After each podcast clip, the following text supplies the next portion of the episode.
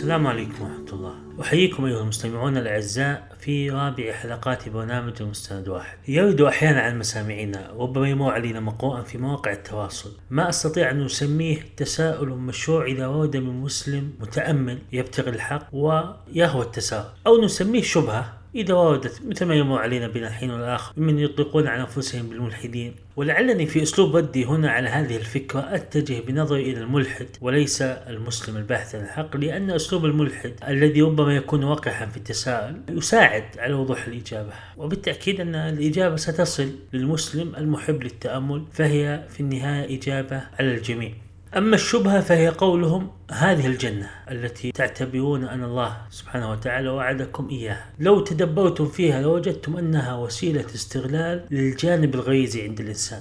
إيش هذا النعيم الذي لا يقوم الإنسان فيه إلا بالأكل والشرب وقضاء شهوته؟ ثم الأكل والشرب وقضاء شهوته في جو عليل بلا نوم بلا تعب بلا مرض. وإذا استبعدنا ولا زال سؤال هؤلاء قائما الفروقات الجمالية التي تزعمونها وفروقات الجودة بين أكل والشرب وجمال الرجال والنساء؟ فما الفرق من حيث المبدأ بين هذا النعيم وبين حيوانات تنعم بمثل هذا في دنيانا هذه؟ والجواب أيها المستمعون الأعزاء سهل يسير جدا لو تأملوا حقا حقيقة نعيم الجنة كما وردت في الكتاب والسنة. لا كما ظنوا أنهم قد جمعوا كل تصورها في هذا الفهم الغريب جدا. وسأضرب مثالا واضحا أصف فيه نصف الإجابة. تخيل أيها المستمع المستمع لو جاءك رجل ثري وقال لك يا فلان أو يا فلان هذا يوم سعدك وساعة حظك. كان شخص ملياردير قررت أن أنعم على أول شخص أصادفهم بين الناس. ولك علي بما أنني قد صادفتك ما يلي واحد أعطيك من ثروة المليارات وهذه لو قسمتها شهريا لمدة سبعين سنة سيأتيك كل شهر ملايين. تفعل بها ما تشاء.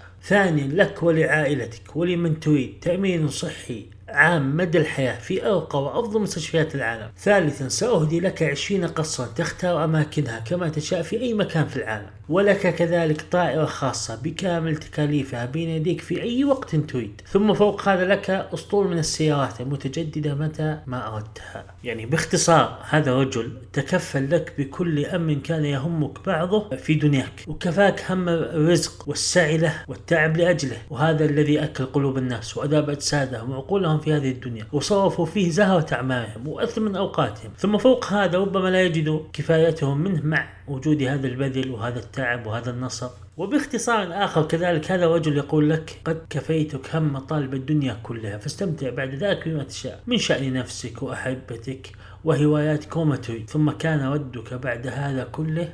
هذه لا تلبي إلى الجانب الغريزي مني. لذلك أنا أرفضها أنا شخص أرفض أن تستغل الجوانب الغريزية في مثل هذا الأمر. بالله ماذا سيقول عنك كل من يعرفك؟ أنت الآن ماذا تقول لهذا الخيال من شخصيتك؟ الجميع سيقول أنت مخبول بك جنون ترفض هذا النعيم بهذه الحجة السخيفة. من الذي قال لك أن قبولها يعني أنها لا تلبي لك إلا غرائزك؟ هذه وسيلة لراحة بالك وهمك. وبعد أن ترتاح من هذا الهم الذي كفاك إياه هذا الغني لك أن تنمي بعدها كل الجوانب الأخرى فيك من هوايات وإبداع التي ترى أن أنها تنمي الجانب الإنساني فيك وليس الغريزة. تعيش لها تصف وقتك فيها وتستعين براحة بالك من هم الرزق على التركيز في هذه الهواية وصفاء الذهن عليها والتقاء الأفكار فيها. وهذا ما سيقوله الناس عنك ولك وهذا ما ستقوله أنت لشخصيتك الخيالية التي رفضت هذا العرض الجميل والمغري. إذا أيها المستمعون حين يذكر الله عز وجل لك أن الجنة ظل دائم. قد بلغ المطعم فيها والمشرب والمسكن الكمال والتمام وأن كل صفة سلبية من غل وحسد قد نزعت من نفوس الناس وأن هذه الأرض الدنيوية التي نعيش فيها اليوم ويتحمل الناس لأجلها ولأجل ما فيها ومتعها بعض القروض والديون والعمل الشاق وزيادة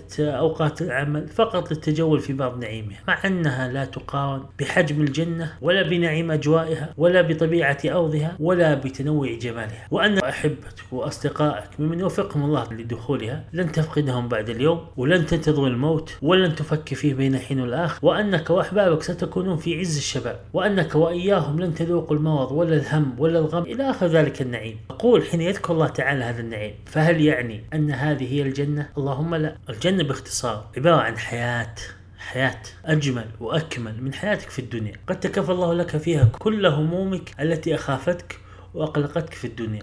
لذلك لك الحق بعد كفاية الله عز وجل. هذه الهموم عنك. أن تعيش فيها كما تشاء. وتستمتع فيها كما تشاء وتبدع فيها كما تشاء وتقضي يومك كما تشاء. يعني مثلا مبدأ التزاور الممتع بين الناس اللي موجود في الدنيا ونستمتع فيه موجود في الجنة لكنه بكل تأكيد أكمل وأجمل وأروع مع العلم أن في الجنة نعم أخرى لم تذكر تفاصيلها. يعني الوحي ذكر ما هو قريب من مفاهيمنا وإن اختلف المضمون. ولنقرأ فلا تعلم نفس ما أخفي لهم من قوة أعين وقول النبي صلى الله عليه وسلم ولا أذن سمعت.